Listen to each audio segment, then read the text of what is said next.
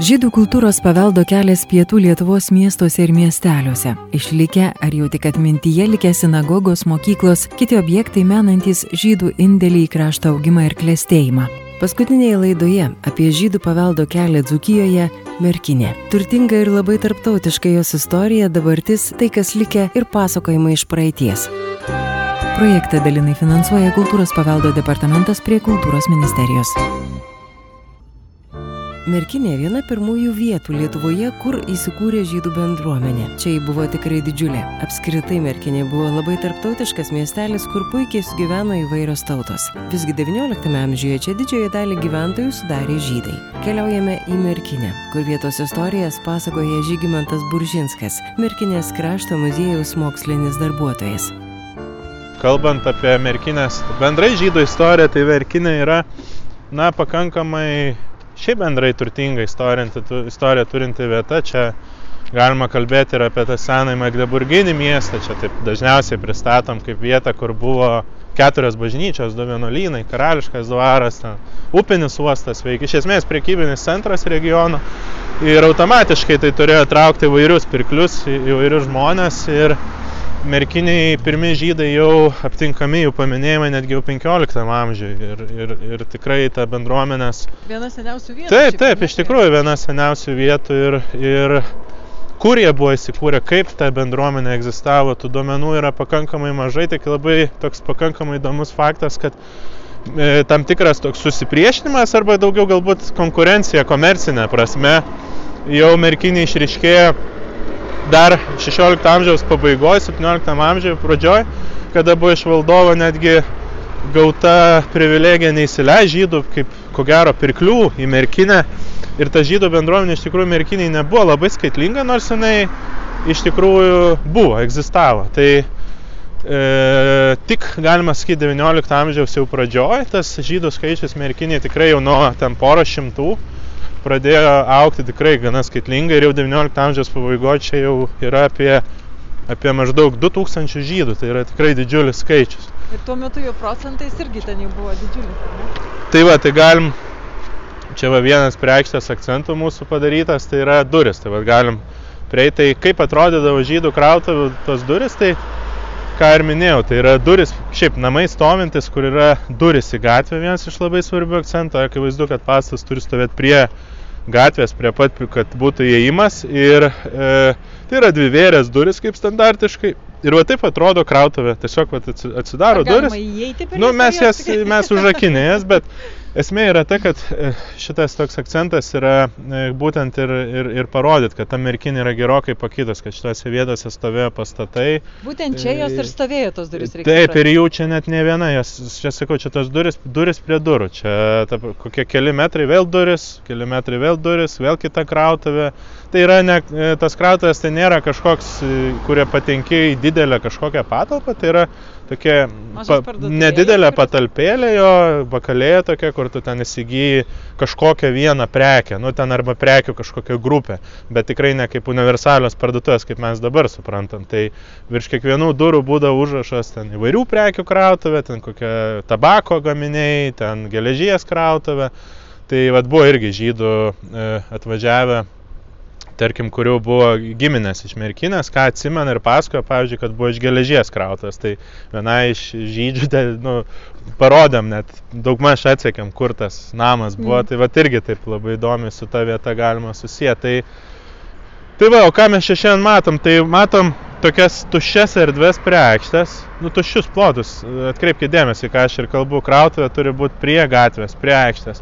Ir visais šimmečiais, kada miestelis egzistavo pagal na, rinkos ekonomikos dėsnius, logiškai, kad aikštė yra priekybos centras, priekybai tinkamiausia vieta ir e, prie jos yra brangiausia žemė. Taip. Ir niekada nebūdavo taip, kad prie aikštės būtų tušti plotai, nes jie visi ir užstatomi, nes tai yra pardavimui potencialiai geriausia vieta kada per antrą pasaulinį karą merkinė yra subombarduojama, sugriaunama, e, iš to centro faktiškai nieko nelieka ir sovietmetis, kai jis ateina, tai čia yra dvi tragedijos. Tai yra aišku žydų bendruomenė, kur yra prekybinė tą potencialą visą iš esmės išlaikė. Tai gyventojų praradimas, bet sovietmetis, kuris iš, iš esmės iškreipia miestelio modelį kaip priekybinės, priekybinės erdvės, iš vis tą priekybinės funkcijas. Realiai tu, miestų turgaus aikštės tampa tokiais kažkokiais tušiais tarybinio ūkio aptarnaimo plo, nu, erdvėjim, kur ten stovi kažkokia kontora, biblioteka, bet prie pati priekyba, pats supratimas apie tai dinksta Ir buvo tas žydų parduotuvėlės aplink visą tą aikštę. Ir ne tik aplink aikštę, ir prie pagrindinių gatvių, jeigu ten Vilniaus gatvė važiuotume, ten irgi visur štai ir mūriniai namai, ir puikus namai, raudonų plytų, čerpiniais stogais. Čia visur stovėjo mūriniai namai, čia stovėjo vien mūriniai.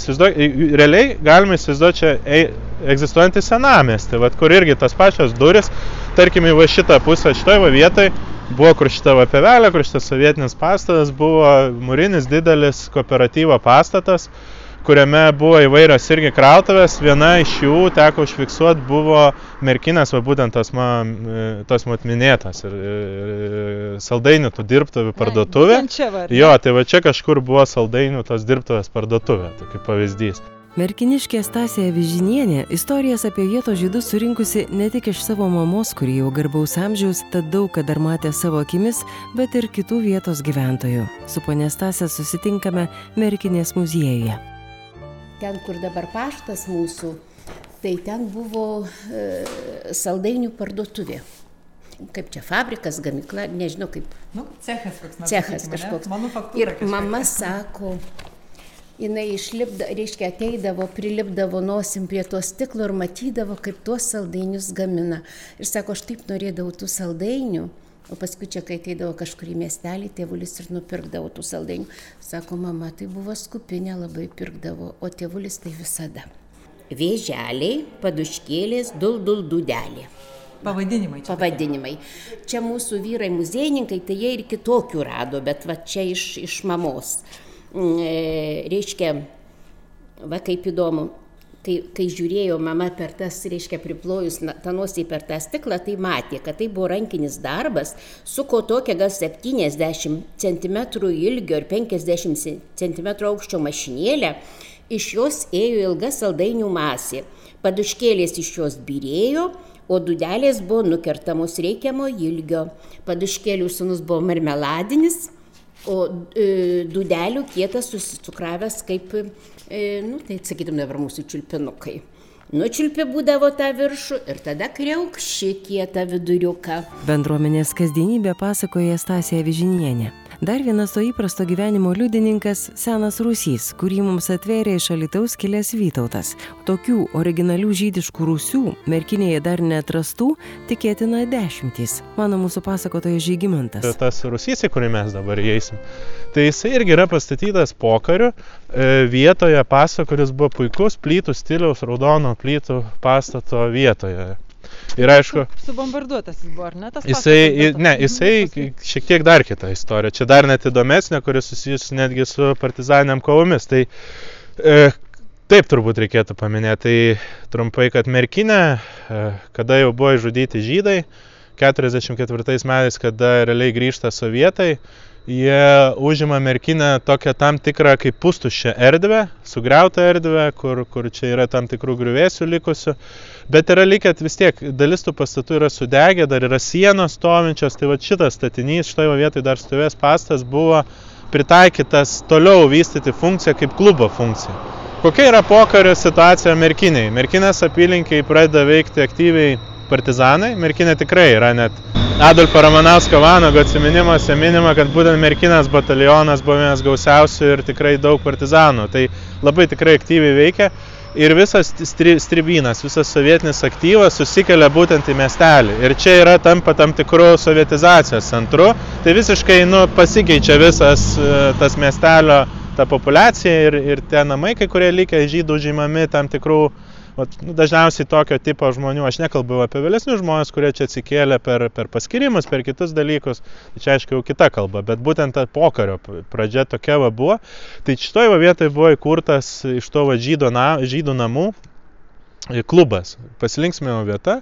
Na ir čia švesdavo būtent tas, tas aktyvas, tas, tas, tas tribinas, taip pat Merkinė KVD dalinys buvo, tai jie čia švesdavo ir 48 metais partizanai padarė tam tikrą diversiją, susprogdino tą pastatą su, su visais ten žodžiu, čia balevojusiais asmenimis, tai kiek, kiek jeigu aš neklystu, berots tiks, tiksliai žuvo apie keturi žmonės, bet buvo nemažai sužeistų. Tai tikrai nebuvo, kaip sakant, ramaus gyvenimo net pačiame miestelė, negana to partizanai 45 metais buvo merkinį ir užėmė. Tai čia tokios kovos tikrai stumdymaisi vyko. Tai va, einam dabar į tą pastatą, kas yra likę iš to seno pastato, tai Rusys. Tai apie jį irgi galima keletą žodžių pasakyti.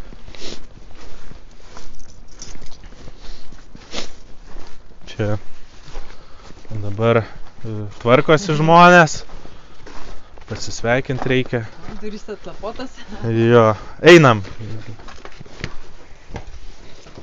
Taip, atrakinta atrodo, viskas gerai. Labą dieną. Cik tai jau jo, Cik. cik. Nu tai va, Mhm. jo, ir čia toks e, aukštesni laiptai ir tada... Čia aišku, bet tie natu, e, jau, jo, turbūt va iki to betono buvo, Jo. buvo, buvo. Tai va, patenkam į rūsį. Atsargiai.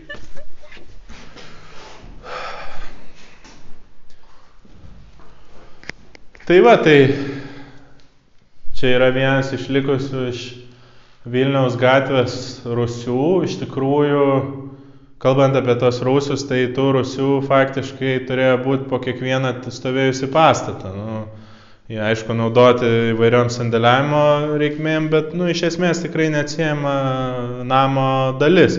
Ypatingai turint omeny tai, kad e, žydų nu, bendrai miestelėje sklypai buvo gerokai mažesni. Ir e, sutalpinti viską į tam tikras erdves, na, tai ir būdavo naudojami ir rusiai, taip atsirasdavo ir antri aukštai pastatuose ir kiti dalykai. Tai tokių rasių merkiniai iki šiol yra išlikusių ne vienas, aš dabar čia taip ant rankų pirštų greitai nesuskaičiuosiu kiek tiksliai, bet, bet yra apie 5-6 tikrai dar išlikę. E, Jie visi yra šitie, va, pavyzdžiui, šiuo atveju čia yra tikėtina 19 amžiaus pabaigos, galbūt 20 amžiaus pradžios rusys. Aišku, mūrytas raudonom plytam, tai va, pavyzdžiui, rusys, tai yra akivaizdus va, lentyno vietas, tiek čia, tiek čia, švieslangis buvęs originalus į gatvę, kabliai, čia kaip sakoma, kabliai tikrai jie nebuvo skirti tik tai mėsai kabinti ar kažkam, tai daugia funkcinis turbūt renginys tiek pasikabinti ir, ir pasišvietimui ir, ir, ir, ir, ir gal dar kažkam, tai toks vat įdomus akcentas. O šiaip tai taip, skliautinis rusys.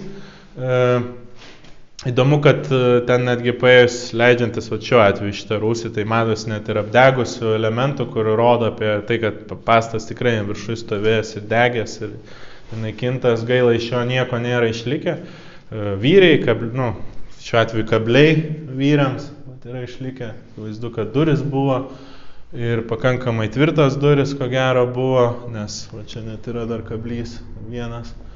Toks, tai tokių momentų tikrai yra įdomių, bet e, tai yra iš esmės standartinis miestelio rusys. Va, tokie rusiai, jeigu mes e, peržiūrėtum, pasižiūrėtumėm daugelį gyvenviečių, ypatingai kur senesni mūriniai pastatai buvo, tai tokių galima tikrai aptikti ne vieną. O mes čia taip gal ir juokais, tai ir pradedam kažkaip tą rusių idėją populiarinęs daugeliu atveju. Tai ir yra tas išlikę tokie akcentai. tai- tiek ir likę. Tiek ir likę, bet iš kitos pusės tai yra irgi tokio, na, e, tokios kasdienybės, ne, ne reprezentacinės, bet kasdienybės, kasdienybės funkcinė, funkcinės erdvės, kur tu čia vis tiek sandėliuoji, ten paruoši kažkam vis tiek naudoji. Tai tie rusai turi savo tam tikrą šarmą ir juos, nu, įdomu pristatyti ir žmonėm pakankamai įdomu. Aš, pavyzdžiui, savo sklypą irgi turiu rūsį.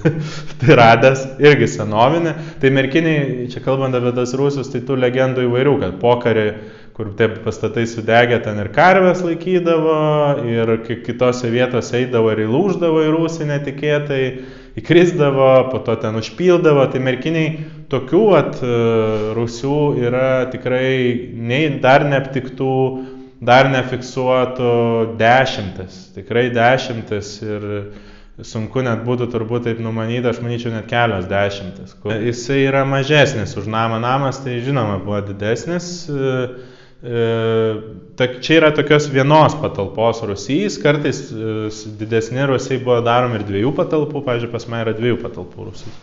Kaip du kambariai. Jo, kaip du kambariai, jo, bet jisai netitinka kontūro namo, namas buvo tikrai didesnis ir, ir vat, švieslangis kaip taisyklė eina į gatvę. Irgi, na, tiesiog taip jau funkciškai susidėliojo, kad pastatas prie gatvės yra.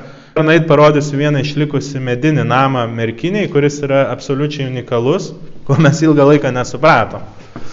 Tai va. O kur čia apdegęs, sakė, čia va. Va, va čia, va, va čia matosi tikrai akivaizdžiai sudegęs. Jo, o šitoje va vietoje. Tikrai. Ir čia va tie laiptai dar irgi originalus, o jau pastatas jau pastatytas. Bet aukščiau. kokie status laiptai? Jo, bet tai Rusijos jau tokie jie būdavo. Čia, Bet čia. vietos neužimta. Jo.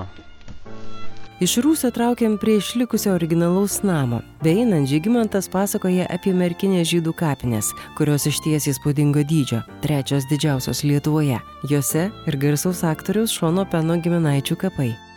Pirmas Kaune žalia, šitam, ar ten žaliakalniu vadina, liktai žaliakalniu. E, antras biržose ir trečias merkiniai. O kiek maždaug ten... Ankapiai, kurie yra šiandien, tai dar nereiškia, kad tai yra visi ankapiai, kurie dar buvo prieš karą.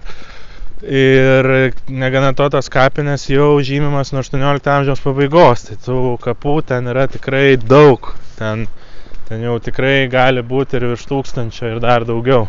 Tikrųjų milžiniškas plotas. Taip, tai ten yra did, didelės tikrai kapinės ir dar prieš pokarį dar iš tų atsiminimų bent jau ką ten teko girdėti, tai kai kurie kapai ir tvareles turėjo ir, ir kitus dalykus, tai viskas aišku išlupta, nulupta, kai kas pavokta, kai kurie ranka pėdingė ir yra kaip yra, tai aišku turim svajonę su, su, sutvarkytą kažkaip patruputį tas kapinas. Tai va, einam dabar čia per O gatvę. susitvarkyti, ar tai reikštų ir atkasti tuos... Kai kurios- Kai kurios ankapius, e, kai kurios ankapius būtų galima, nu tiesiog jie yra pasamanom, tai tiesiog juos nu, nuvirtusius pastatyti į vietą. Tų ankapių, aišku, jokių būdų nekilnot ir ne, ne, nešiot, nestatyti kažkur, kurie nestovėjo, nes čia taip ir yra, nes ankapis tam priklauso tam mirusiajam, tai jau geriau, kuris ten buvo, tai tegul ir lieka, bet pastatyti į, į tą, kaip čia, pirminę būklę, e, tai manau visai būtų gera mintis. Ir O tas y- yra surašyti visi ir, e, ta prasme, užrašai nuo... Nes yra nurašyti, dydis, ne, taip, yra nurašyti, nurašyti nuo kapų. Nuo kapų konkrečiai tie duomenys, tai ten galima mėginti atsekti.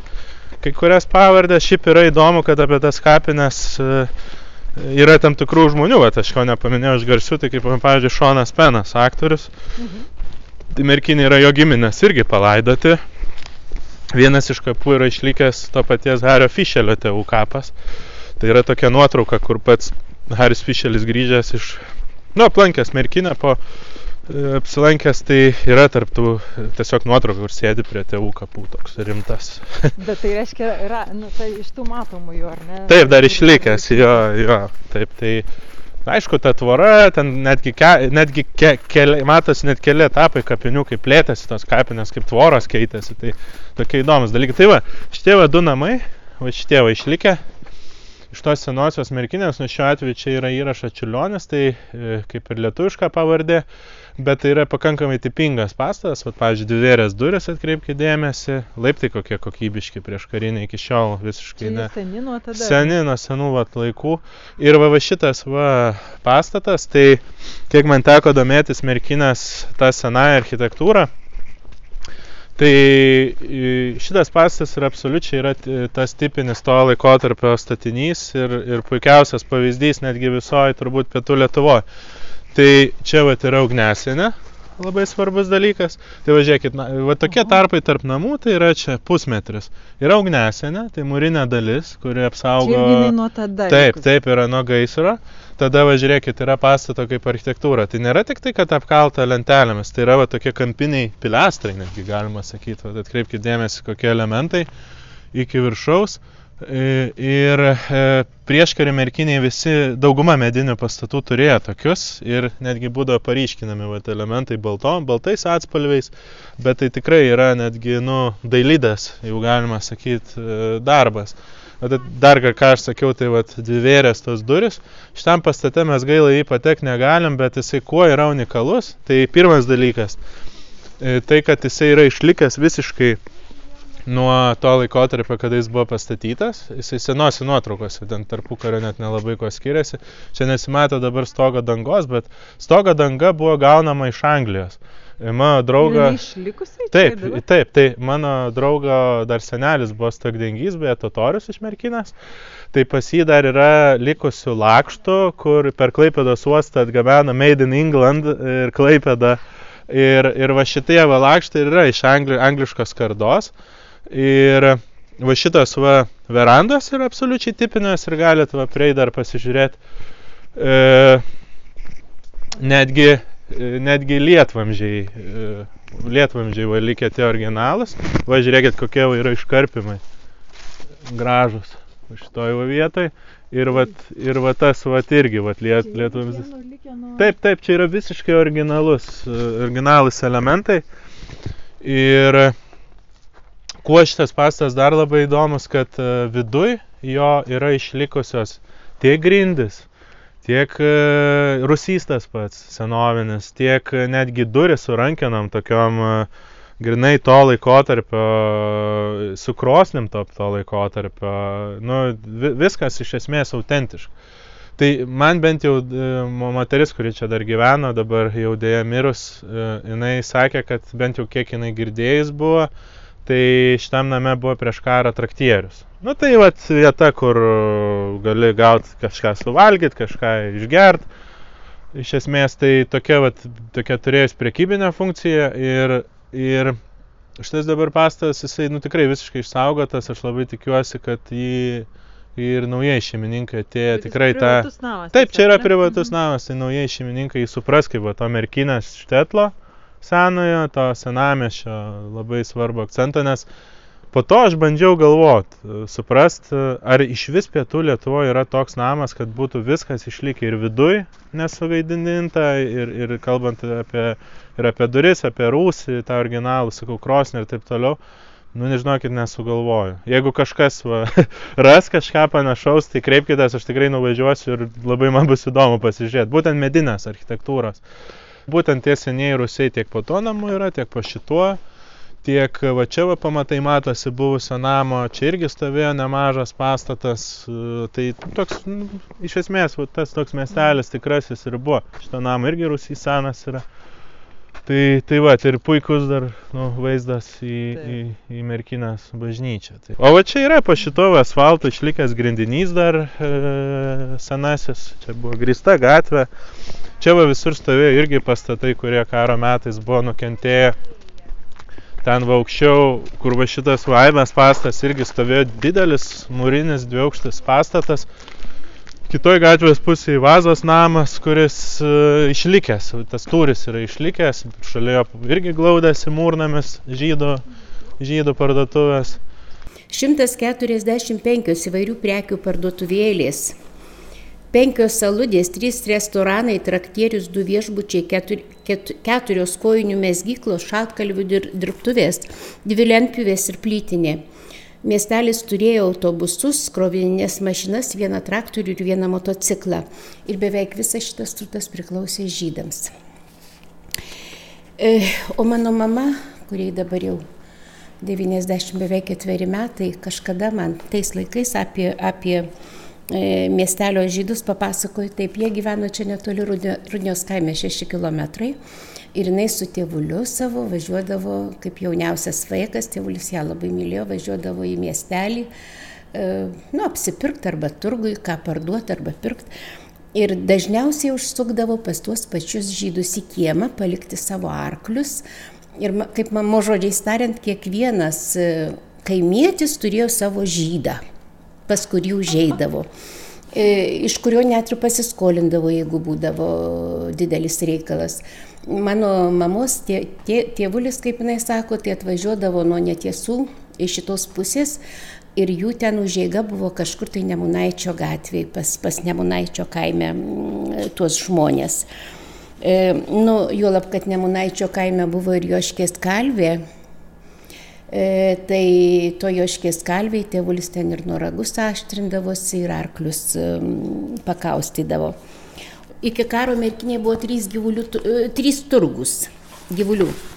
Kauno gatvėje karvių, Seinų gatvėje arklių, mūsų čia Vingelių gatvėje dabar Jagmino e, vadino katalikų turgum, nes ten buvo pardavinėjamos tik keulės. Tai sako, į šitą turgų tai žydai nėjo. Priekiautojai mėsa turėjo įsirengę ledaines.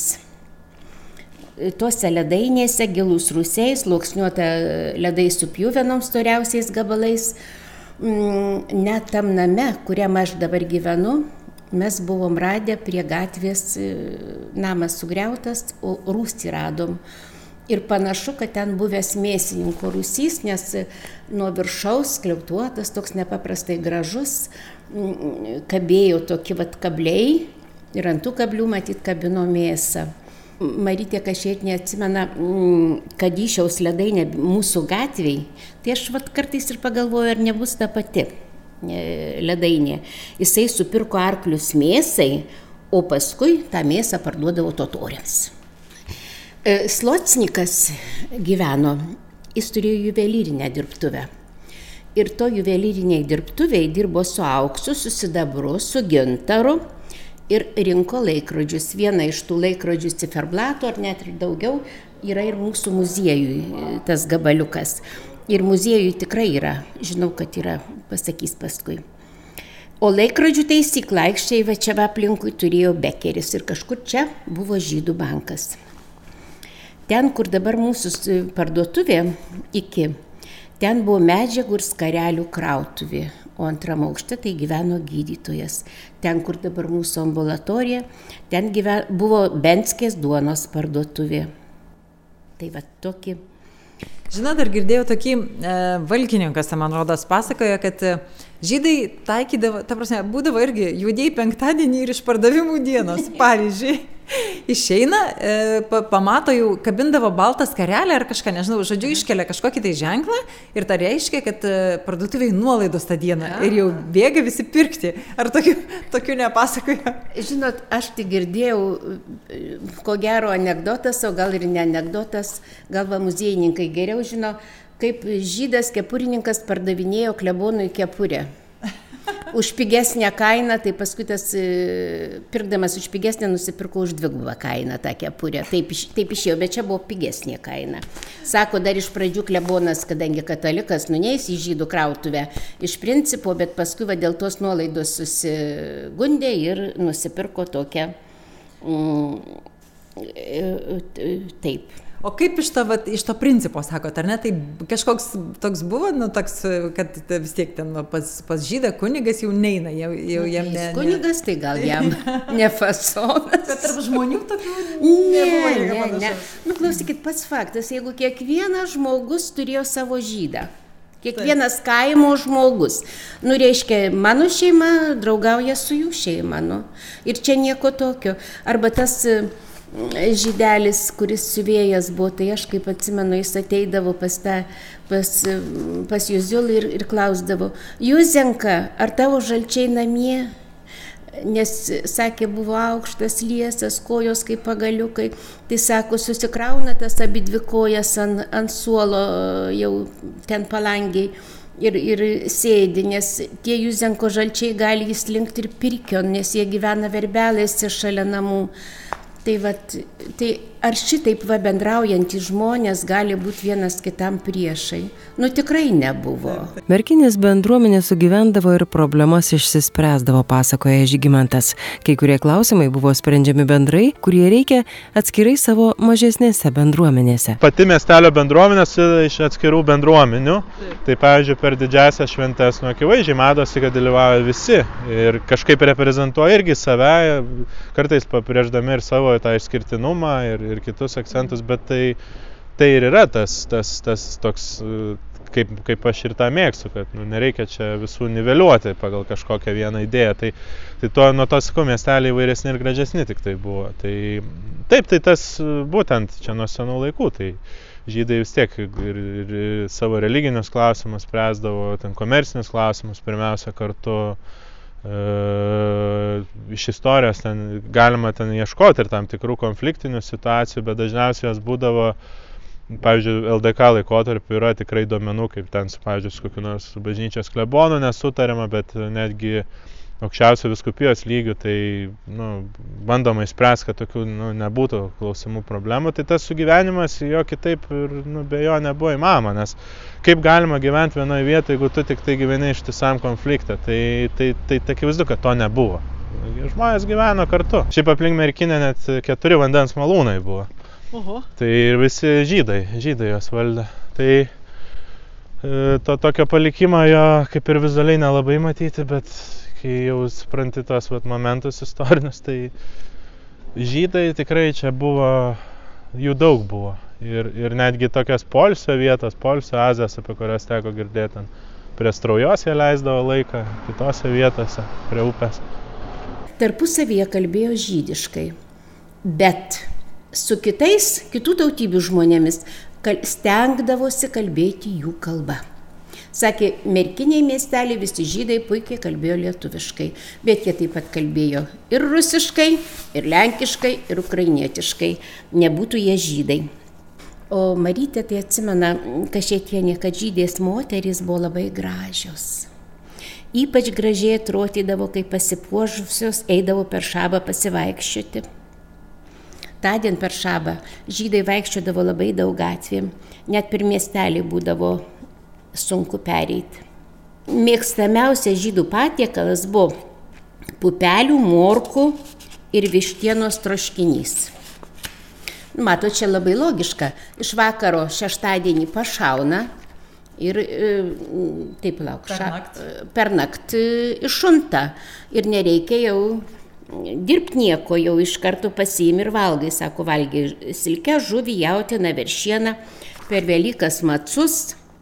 Nu ir, ir labai vat, visi pateikėjai pasakoja, kad kai eidavo, jeigu į svečius, ar va, kaip ir tas siuvėjas, būtinai pasimdavo savo indus, nes juose niekada nebuvo tuose pateikta keuliena, kurios žydai nevalgo. Net ir lėkštė. Taip, lėkštės tai taip išeina. Mm, taip išeina. O sako, jaunimas, bendra, jaunimas bendrame su lietuviais vakarėlėje ne tik lašinių, bet ir degtinės paragaudavo. Toks Juozas Plutulevičius, dabar jau jo gyvo nėra, ten tarp kitko dabar Šilokova. Tai ten gyveno toks siuvėjas, tai jis amatų mokėsi pas merkinę žydą Jankelį. Ir sako, kad Jankelis turėjo keturias siuvamasias mašinas, pasidirbo šeši samdyti darbininkai ir mokėsi keli mokiniai.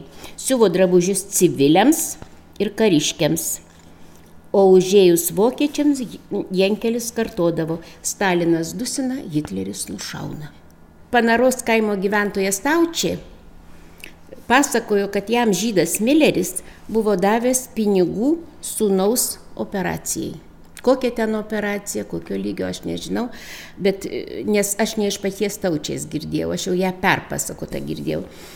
Ir sako, kai sužinojo, kad žydai suvaryti iš kalą, tai staučia, tai važiavo į merkinę, pasėmė maisto ir atėjo prie tos sinagogos, o Milleris paprašė, sako, tu man nieko nenešk, vis tiek nieko nebus, pabandyk išgelbėti mano anūką iš čia.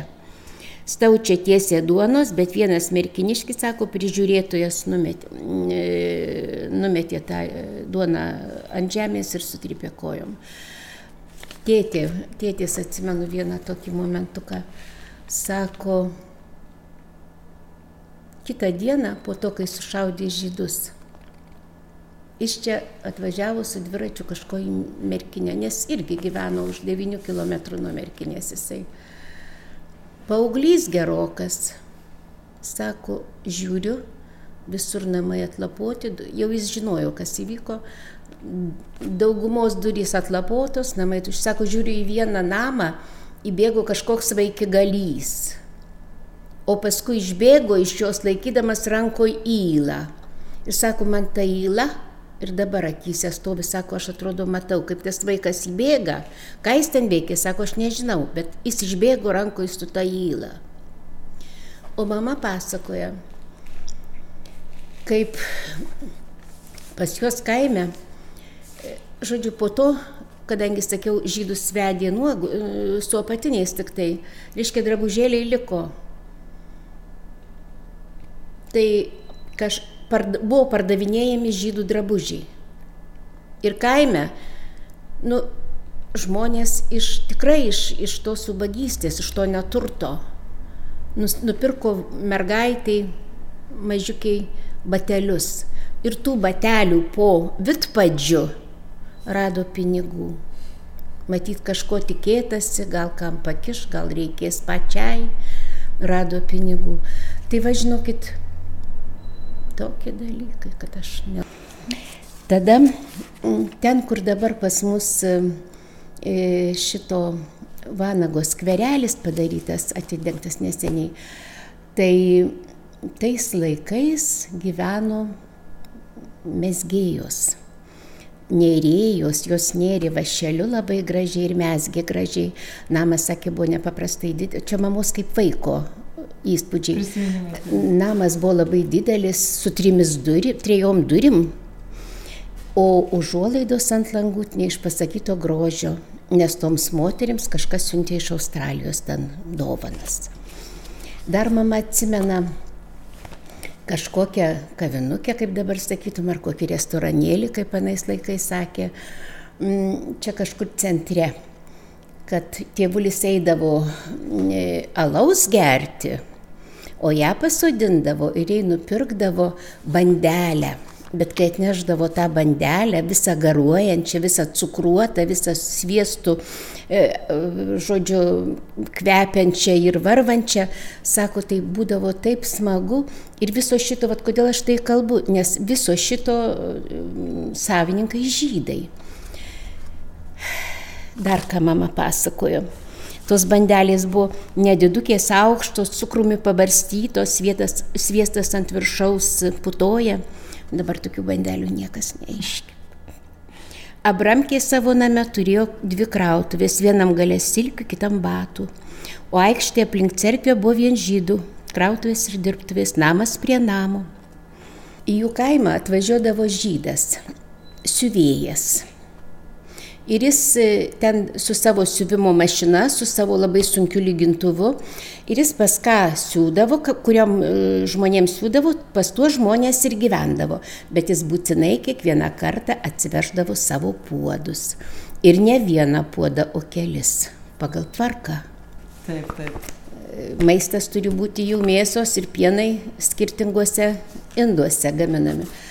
Na ir mm, Jisai draugaudavo mm, su tokia mamos teta, ją visi vadino Juzulė, tai su ta Juzula draugavo. Ir čia žinokit, kaip prasidėjo šitie visi pogromai, dar prieš pogromus, kai varė visus į tą e, škalą, tai jis buvo rudnioj ir siuvo kažkam ir sako, kiek į žmonės atkalbinėjo, neiktų, būktų, nes ten bus negerai, uždarys ir tave uždarys. O jisai turėjo nesveiką vaiką. Nu, tokį, kaip dabar sakytum, kas jį žino, gal autistas, gal šiaip truputėlį, žodžiu, suprotų pasipykęs vaikas, jisai sakydavo, kad nega, aš negaliu neiti, vaikas manęs laukia, ką žmona be manęs darys. Nu ir, ir paskui po to, kai juos uždarė, sužinojo jisai kaime, jis pametė ten viską ir tuos savo puodus tame tarpe. Parbėgo namo ir jis su visais kartu čia merkiniai sušaudė. Merkinė savo istoriją jam žina, ją padeda papildyti ir savo šaknų ieškantys atvykėliai. Taip jau kažkaip tą per muziejaus tas įvairias iniciatyvas esam padarę, jau tam tikrų atminimo ženklų, tai pirmas dalykas, aišku, atsiradęs stendas, e, e, tam tikras, sakyčiau, pakankamai informatyvus, nors apie žydų istoriją merkiniai galim ilgai kalbėti, aišku, yra soferio atvaizdas ant vienos iš sinagogos pastato, bet tai yra, trumpiau tariant, tai turbūt galima sakyti taip, kaip e, su buvus, susijęt galim su tais religinė, religinė ta organizacija merkiniai žydų bendruomeniai veikusią, nes sinagogų čia yra teritorija, tai šitoje vietoje buvo netgi trys sinagogos, tai Čia yra Klojas vadinamas sinagogos pastas. Čia, vat, e, jeigu jūs apsisuktumėt ir pažiūrėtumėt, tai čia yra e, Talmud Toros mokyklos pastas. Tai 23 metais pastatytas statinys Hario Fišelio lėšomis. Tai čia yra atskira visai įdomi istorija, tai iš Ameriko, į Ameriką migravęs merkiniškis, iš esmės žydas, tapęs vienu turtingiausių New Yorko žy- žydų, architektas, filantropas, tikrai turtingas žmogus, tiesiog grįžęs į merkinę aplankė savo miestelį po, po, po, po, po keletos dešimtmečių skyrė pinigų mokyklos naujam pastatui, nes šitoj vietoje anksčiau stovėjo medinė didžioji žydų sinagoga. Na, Vietoj jos atsirado šitas. Jo, po, Mhm. nes sudegė pirmojo pasaulinio karo metais, tai matyti tokia, nu, buvo susitikęs su žydų bendruomenė, pakalbėjo apie problemas ir matyti toks nuspręsta buvo skirti lėšų pastatyti tą pastatą. Dar kitas medinis sinagogos pastatas stovėjo už tos raudonos dabar mokyklos. nebeišlikęs. Jo, jisai yra nugriautas tik tai sovietmečiu ir tai apie kokius 60 metus.